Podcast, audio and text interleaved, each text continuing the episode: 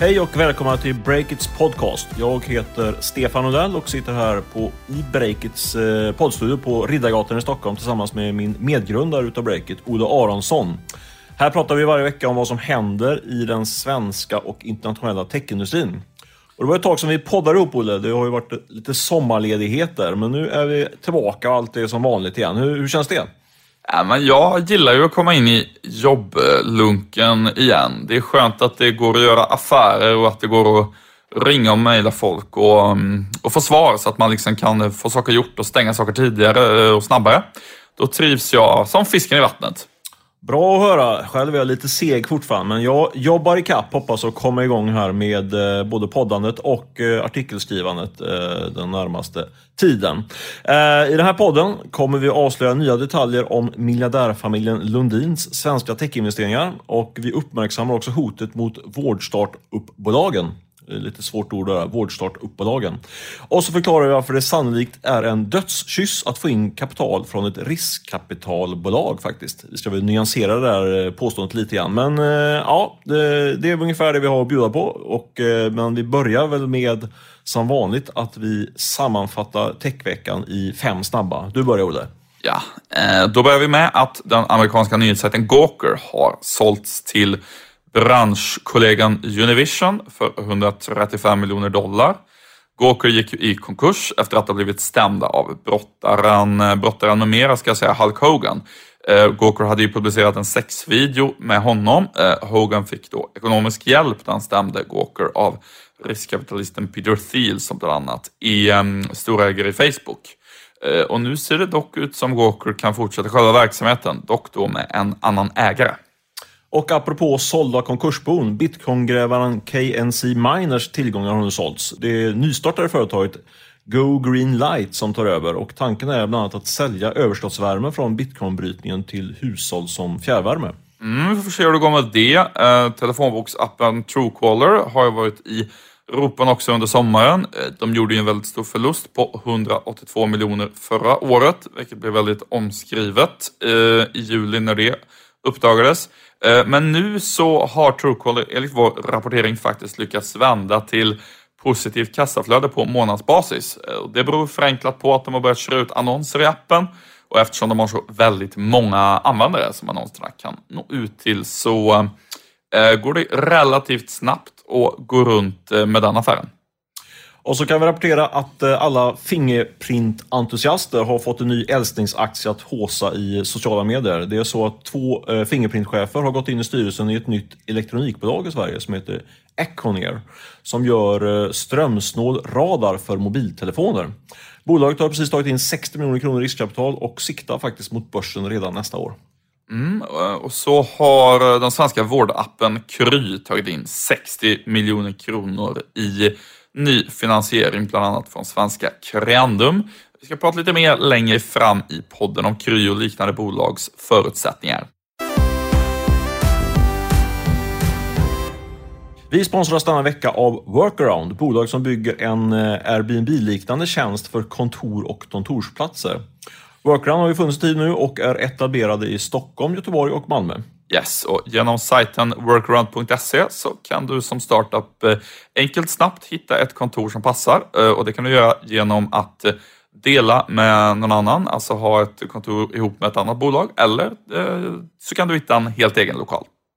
Man kan också hyra ut en ledig del av sitt kontor via Workaround. Eh, det kan vara ett par lediga kontorsplatser, eh, delar av ett kontor eller en hel lokal om man så vill. Precis, man kan både hyra och hyra ut via tjänsten. Och Det kan ju vara ett bra sätt att få in lite extra pengar till sitt eh, bolag att hyra ut det på lediga kontorsplatser. Eller så kanske det hjälper dig att hitta nya kreativa människor till ditt nätverk eh, av människor du känner i branschen.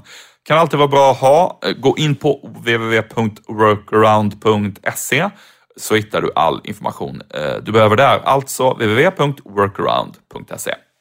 Gör det och med det tackar vi Workaround som sponsor för denna podd denna vecka. Tack ska ni ha! I måndags gick remisstiden ut i den så omtalade personaloptionsutredningen. Ett svårt ord där. Eh, man kan väl säga att reaktionerna på den här eh, utredningen har varit rätt blandade, eller hur Olle? Ja, eh, de har varit blandade men eh, övervägande ändå åt det negativa hållet.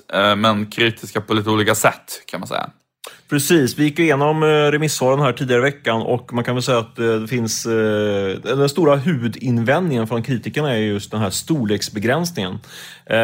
Alltså att man ska inte kunna utnyttja de här personaloptionerna om man har ett bolag som har mer än 50 anställda. Och det där har kritiserats hårt av bland annat Niklas Sennström, Skype-grundaren och Martin Lorentzon som är grundare utav Spotify. De och ett gäng andra techkändisar har skickat in ett remissvar som tar upp just det där problemet. Men det har även blivit kritik från en del, eh, från en del andra håll. Eh, myndighetshåll kan man väl säga. Ja, men precis. Så där skjuter man in sig lite grann från, från, från andra sidan. Då. Eh, det är Skatteverket som är en tung remissinstans. De är ju rädda för att bolagen ska utnyttja det här nya personaloptionssystemet för att eh, slippa undan skatt helt enkelt. Man, man, eh, man pekar på risken att eh, att arbetsgivarna betalar ut ersättning i form av optioner istället för lön. Då, då slipper man löneskatten istället kapitalskatten. Sen Pensionsmyndigheten flaggar också för att just risken då för att om, om man som arbetsgivare ger sin personal ersättning i form av optioner istället för lön så riskerar personalen att gå miste om pensions och sjuk sjukpenninggrundande inkomster. Just det, och man kanske inte får a-kassa och så vidare. Eller det får man inte på samma sätt förstås om man har fått en ersättning från optioner istället för lön. Ja men precis, vi har ju följt den här frågan eh, väldigt nära. Den fick ju väldigt mycket fart i samband med att eh, grundarna utav Spotify, Don Lek och Martin Lorentzon skrev ett öppet brev eh, kring, eh, kring alltså problemen att driva, driva techbolag i Sverige och då lyfte de framförallt den här personaloptionsfrågan bland annat. Eh, men vad tror du Olle nu? Nu är remissvaren inne och nu är det ju då regeringen som ska försöka få till någon form av proposition. Vad, vad tror du kommer hända liksom i slutändan? Det har varit en rätt rörig process där. Det lutar ju åt att den här storleksbegränsningen, som eh, väl framförallt är den, det är väl den del som har fått allra mest högljudd kritik kan man säga. Det lutar ju åt att den blir kvar på något sätt. Vilket då innebär att de förenklade personaloptionsreglerna inte kommer bli tillgängliga för till exempel Spotify och Klarna. Ehm, I det här förslaget som ligger nu handlar det alltså om 50 anställda max. Ehm, och eh, där kan man väl tänka sig att det skulle kunna bli någon typ av eh, höjning till till exempel 250 anställda som i Storbritannien. Men går, någon... går lite grann kritikerna till mötes då? En, svensk kompromiss kanske? Lite grann, så. Det, det, så skulle det kunna bli, men någon typ av storleksbegränsning kommer det med ganska hög sannolikhet att bli. Och det beror dels på att eh, åtminstone utredaren bedömer ju att man behöver ha någon typ av begränsning för att eh, det ska vara EU-regelkompatibelt, godkännas av eh, EU. Eh, och sen så eh, Eh, är det förstås också så att det är en fråga om eh, besparingar. Vi har ju en politisk kultur där eh, ja, ingen vill framstå som att man bryter mot budgetregler och ingen vill framstå som att man är den som har spenderbyxorna på. Och Magdalena Andersson har ju också sagt, finansministern har sagt att det här ska vara ett kostnadsneutralt förslag. Och då ska jag väl ändå komma ihåg att det kanske inte är så att ehm, det här är den typen av förslag som man liksom vinner val på att eh, investera ganska mycket pengar i. de direkt berörda är ju ändå en relativt eh, liten grupp i, om man ser till Sverige som helhet, även om det så att säga kan få eh, bredare konsekvenser, så kallade dynamiska effekter.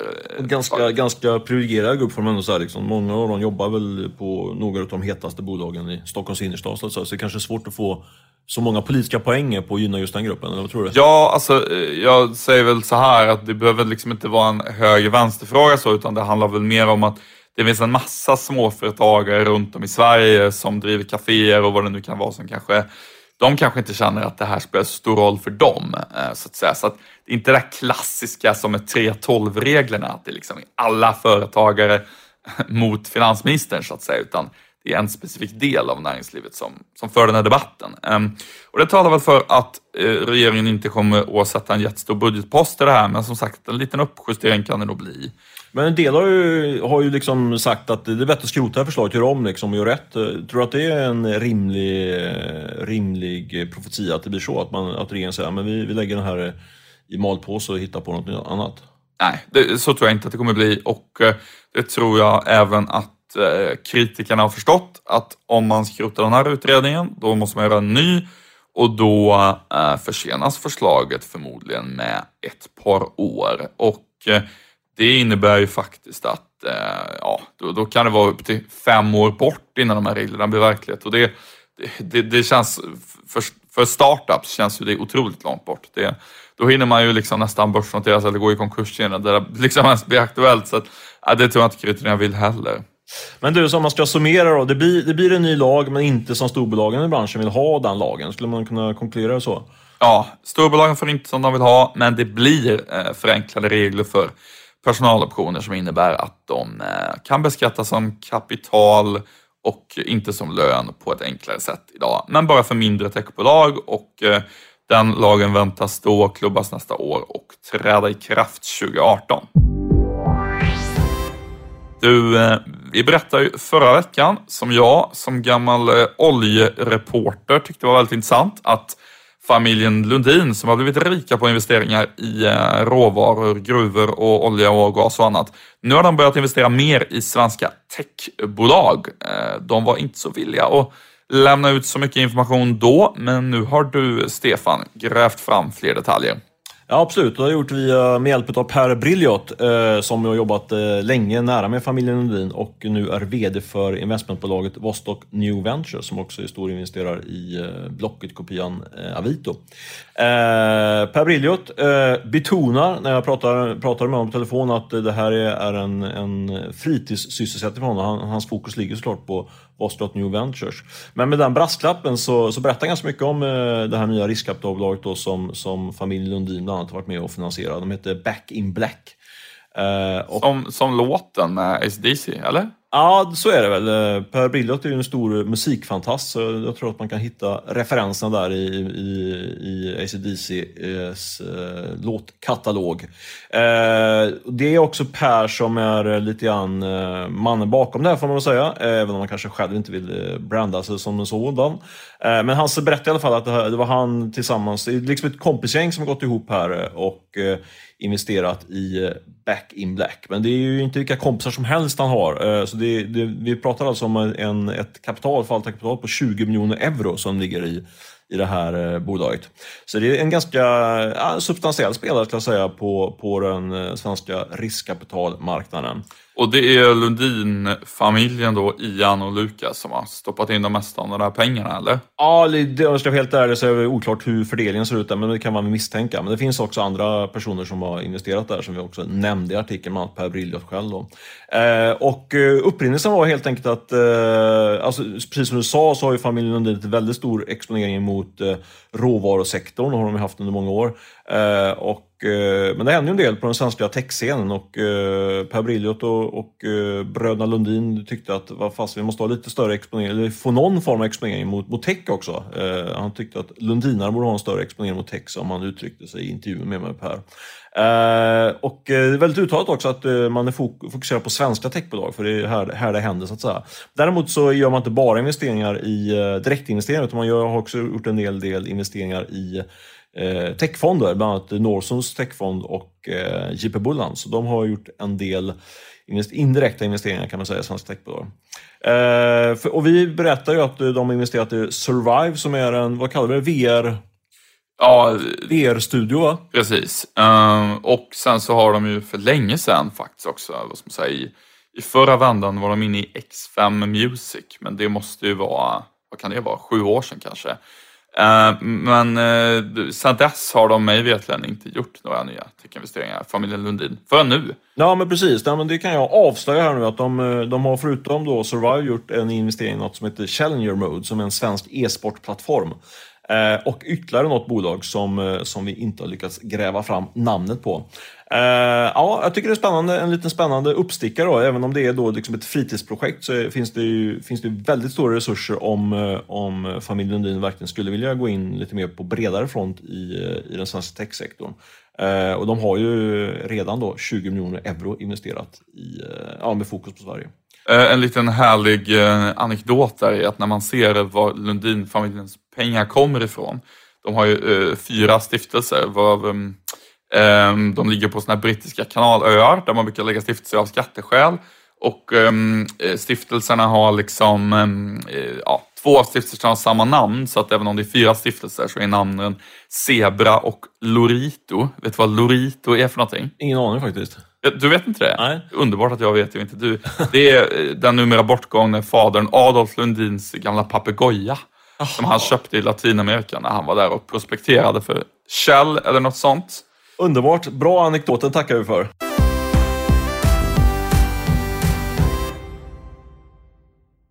Vi sponsras den här veckan av Forefront Consulting, det entreprenörsdrivna IT-konsultbolaget som andra bolag och organisationer kan anlita för att få hjälp med den digitala transformationen.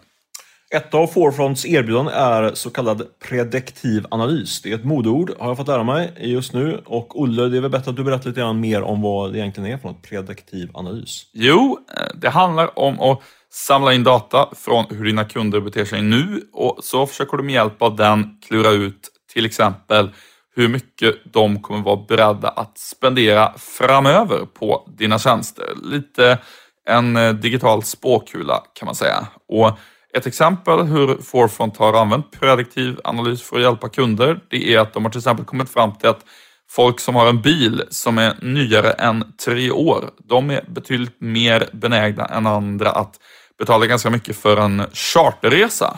Intressant att veta när man ska fundera på hur man ska bearbeta sina kunder. Verkligen. Eh, och eh, vill man ha mer information om det här så kontaktar man Forefront. Hur då?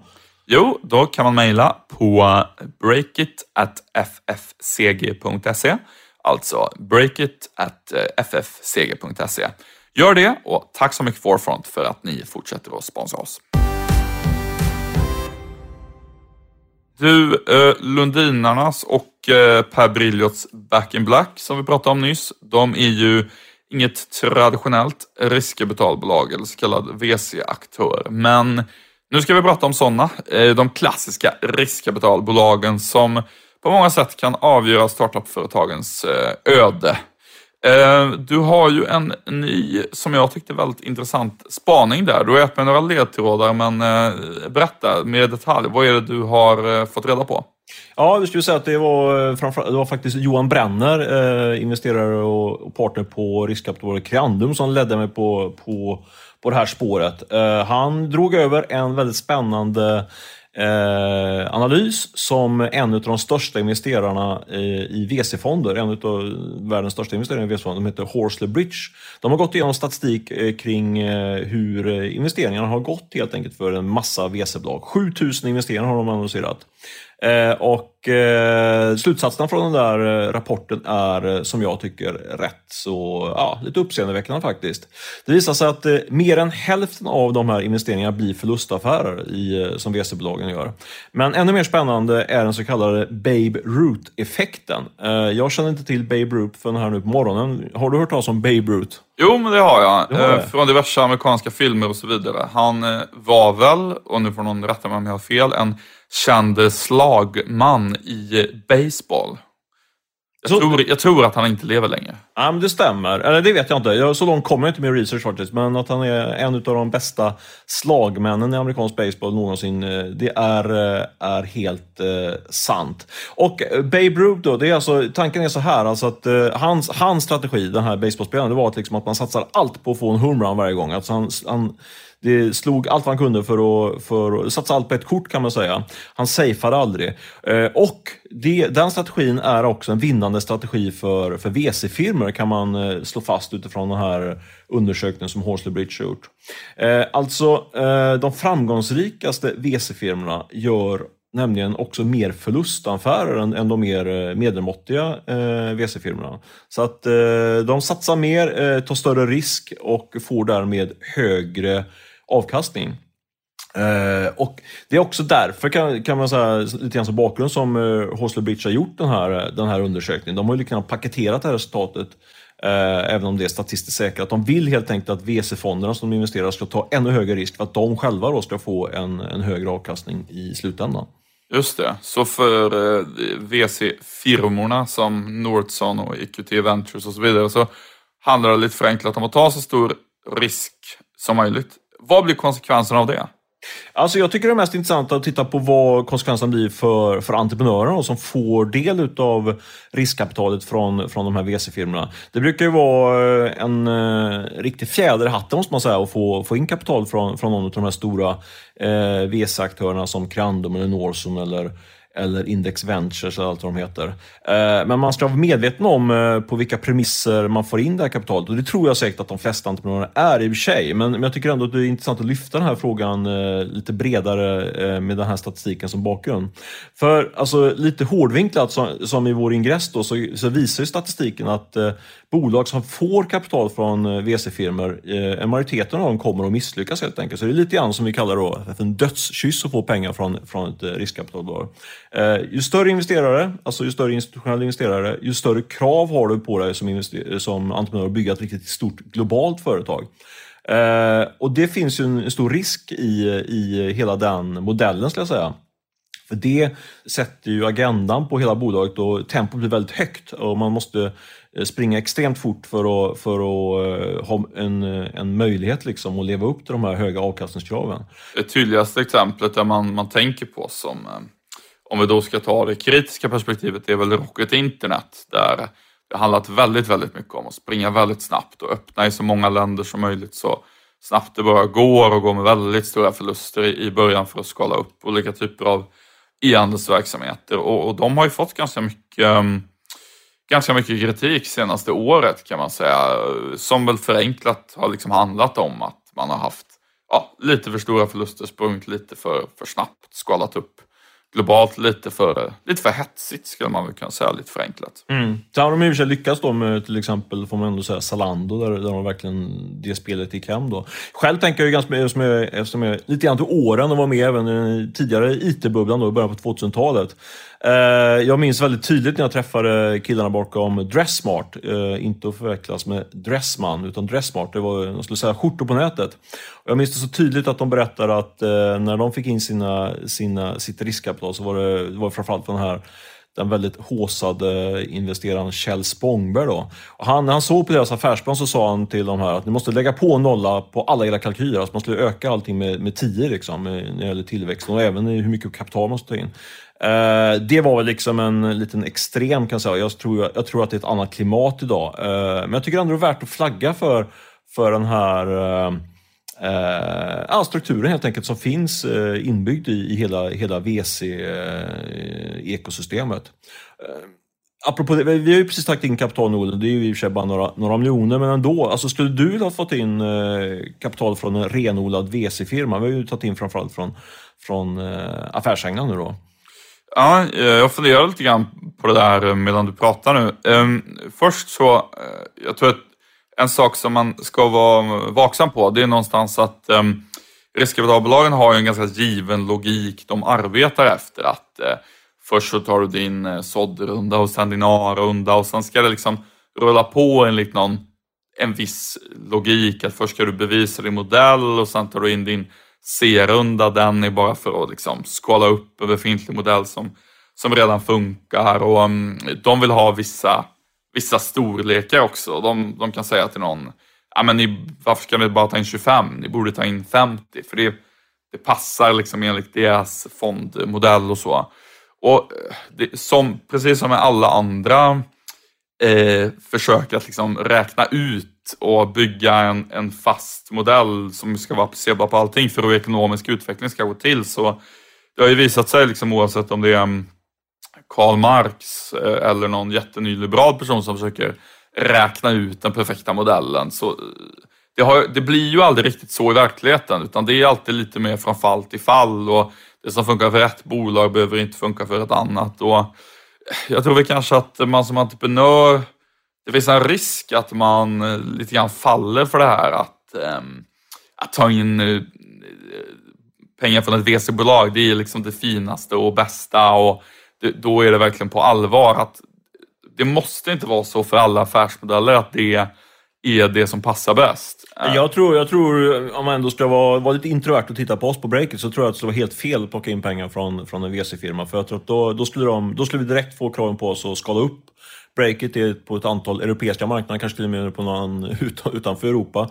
Eh, och eh, ja, men skulle få springa och gapa efter alldeles för stort stycke. Liksom. Så jag tror, jag tror att vår, vår modell, vi är ju inte ett bolag som kommer generera liksom, 30 gånger pengar. Liksom. Alltså det, det, finns inte i modellen och då ska, man inte, då ska man inte söka den här typen av eh, kapital. Eh, och det hoppas jag att många, att de, ni som är där ute och så är på väg efter kapital vet, är medvetna om. Går ni till tre VC-bolag då, ska ni, då förväntas ni att ge dem en avkastning på 10-20 gånger pengarna och det är rätt tufft. Och det ska man ju verkligen ta på allvar också. Det är ju det man lovar att försöka göra så att säga. Det är inte så att riskkapitalisterna är eh, onda där egentligen, utan det handlar ju liksom mer om att man, man ska bestämma sig över vad är det egentligen man vill göra och tro på. Det finns ju alternativ. Man kan hitta investerare som inte är liksom VC-fonder utan ja, family offices och andra investmentbolag. Almelån? Ja, evergreen-fonder och så vidare som ja, det, det, finns säkert aktörer som kan tänka sig att till lite lägre risk ta någonting som ger sju gånger pengarna istället för 20. Mm. Uh, och det ska man nog liksom överväga där och inte liksom, vad ska man säga, gå på det som upplevs som det, det, det finaste och kreddigaste spåret nödvändigtvis. Helt rätt. Eh, men en, en, en startup som verkligen gått på det, på, det, på det hårda och fina spåret då, det är ju vårdappen Kry. De eh, rapporterade här i veckan och tog in 60 miljoner riskkapital från bland annat då svenska Creandum som Johan Brenner jobbar på. Uh, Olle, du har tittat lite mer på, på det där. Ja, eh, Kry var ju, är ju en startup som jag följt sedan nästan innan starten faktiskt. Jag kommer ihåg att jag träffade en av medgrundarna, Fredrik Ljungabo, för eh, det måste vara två och ett halvt år sedan, eller kanske tre år sedan till och med. Och han visade en powerpoint bara på hur tanken var att man skulle bygga Sveriges första digitala vårdcentral. Eh, alltså där man kunde boka, betala och träffa läkare i eh, videoformat via datorn i ett samma gränssnitt. Och du har testat den också? Ja, och det är ju en smidig tjänst som är ja, enkel att använda och man förstår ju verkligen varför många känner sig tilltalade av den. Och, jag tror väldigt genuint också att det är klart att många eh, läkarmöten i framtiden kommer att ske via video istället för ett fysiskt besök. Men samtidigt så, det har ju varit ganska trögt för Kry att få in pengar. Det har tagit lång tid. Eh, och jag tror att det faktiskt kan bli ganska trögt för dem att växa också. Varför har det tagit tid då? Är det för att man inte riktigt har levererat eller har du någon teori om det? Nej, alltså det beror ju på att det fortfarande finns massa regleringshinder eh, i den här branschen. Alltså lagstiftningen sätter en del stopp för Kry och Min Doktor och de andra som verkar inom videomöten för läkare. Eh, vad är det för hinder eller hot då mot eh, branschen? Jo, eh, så är det faktiskt att idag så är det så att um, själva ersättningen som ett vårdföretag, typ Kry, Eh, ska få från landstinget, för det är där man får ersättningen främst, för att man har genomfört ett läkarbesök. Den är idag direkt kopplad till ett fysiskt besök. Alltså för att, ehm, ja, om vi tar vilken privatägd vårdcentral som helst, den får ju en peng av landstinget för varje genomfört eh, besök och det är en väldigt eh, vital del av affärs, eller det är den mest vitala delen av affärsmodellen. Men det är kopplat till att man genomför ett fysiskt besök. Så att i Krys fall så eh, måste man liksom antingen gå med förlust på varje besök eller ta ut ja, typ 500 spänn istället för 200 kronor per läkarbesök. Och det blir ju ett eh, jättehinder eh, förstås när man ska växa en sån här eh, modell. Men, men det måste vara något som de håller på att förändra eller? Ja, men det har pågått en sån process i flera år och den har försenats gång på gång. Vi skrev ju om det förra året att Daniel Forslund som är landstingsråd i Stockholms län som är det överlägset eh, vad ska man säga, största och viktigaste länet för de här vårdbolagen i Sverige. Han lovade på Twitter att det skulle bli en ändring redan i år, 2016. Eh, men sen blev det ingenting och eh, enligt mina källor så var det tjänstemännen på landstinget som stoppade eh, ersättningen till videomötena eh, och det skjuts fram åtminstone ytterligare ett år, alltså till 2017. Men vad kommer sig, finns det, vet du varför de eh, stoppade det? Ja, utan att liksom gå in i massa tråkiga detaljer så handlar det liksom om att då måste man utforma exakta riktlinjer för det och vad som ska gälla. Och, ja. Okay. Det, det, är mer liksom, vi kör på med pilotstudier och vi måste utreda det längre och ja, du förstår. Eh, de här tjänstemännen har väl kanske inte så jättemycket um, och vinna i sig på att det blir färdigt snabbt så att säga. Det är, de, utan det är ju mer företagen som har någonting att vinna på det och eh, användarna förstås. Eh, men det är ju fortfarande ett jättehinder och det finns ju en stor politisk osäkerhet då. Eh, alltså en större politisk osäkerhet här än för liksom vanliga vård, vanliga vårdcentraler som ju finns på börsen numera i Sverige och sådär. Och det tror jag är den viktigaste förklaringen till varför det har tagit så, så lång tid för till exempel Kry att få in pengar. Men det, har tagit lång tid, men de har ändå fått in eh, rätt rejäla eh, summor, både Min Doktor och Kry. Vad, vad kommer det sig att investerarna ändå är liksom sugna på att investera i det här segmentet, tror du? Ja, jag kan säga för ett par år sedan när jag pratade med riskkapitalister om det där så sa alla nej, det där är ingenting för oss. Nu tror jag dels att entreprenörerna har lyckats bevisa att det går att skapa intäkter utan det här liksom, offentliga spåret som ändå är det stora. Det kan handla om att man upphandlar med företag som har företagshälsovård, att den kan ske via en videotjänst eller via ett eh, försäkringsbolag som erbjuder det till sina kunder. Så att det finns ju liksom andra delmarknader vid sidan av den här jättestora vanliga liksom, vårdkonsumentmarknaden eller vad man ska kalla den för. Så det är det ena. Eh, och sen så tror jag helt enkelt att riskkapitalisterna räknar med att reglerna kommer att förändras i Sverige och resten av Europa framöver. Ehm, lite av en hint där kan man se i eh, Creandums blogginlägg som de skrev eh, igår eh, om sin investering i Kry. Eh, där betonar de att de gillar Kry bland annat för att det är ett sparsamt bolag som alltså kommer att hålla i de här 60 miljonerna. Um, och Kranum skriver där uttryckligen att eh, på grund av regleringarna och ersättningen från det offentliga, att det är liksom inte riktigt på plats än, så kan man liksom inte ha, så ska Kry inte bränna det här kapitalet så snabbt, utan man tar det lite långsamt och väntar på en mer gynnsam miljö. Och eh, det är väl ett bett som eh, riskkapitalisterna tar här helt enkelt, att det kommer förändras närmaste åren. Och med så mycket pengar på banken så lär de räcka en stund, särskilt om man ser till att hålla i dem lite extra. Du, eh, intressant att få lite mer insyn kring, eh, kring vårdsektorn, den digitala sådana. Eh, men vi ska väl avsluta här nu. Vi har väl inte mycket att bjuda på. Vi ska tacka Beppo ljudproduktion som klippte och spelade in på länk det här avsnittet. Och eh, ja, följ oss på, på Twitter som vanligt. Eh, eller framförallt gå in på breakit.se och eh, läs alla våra artiklar. Vi har full styrka här nu i eh, Breakits redaktion. Yes, sommarstiltjen är definitivt över så det är bara att följa alla våra nyheter. Vi har fullt tempo nu. Ha det gott så hörs vi nästa vecka. Hej då! Hej då!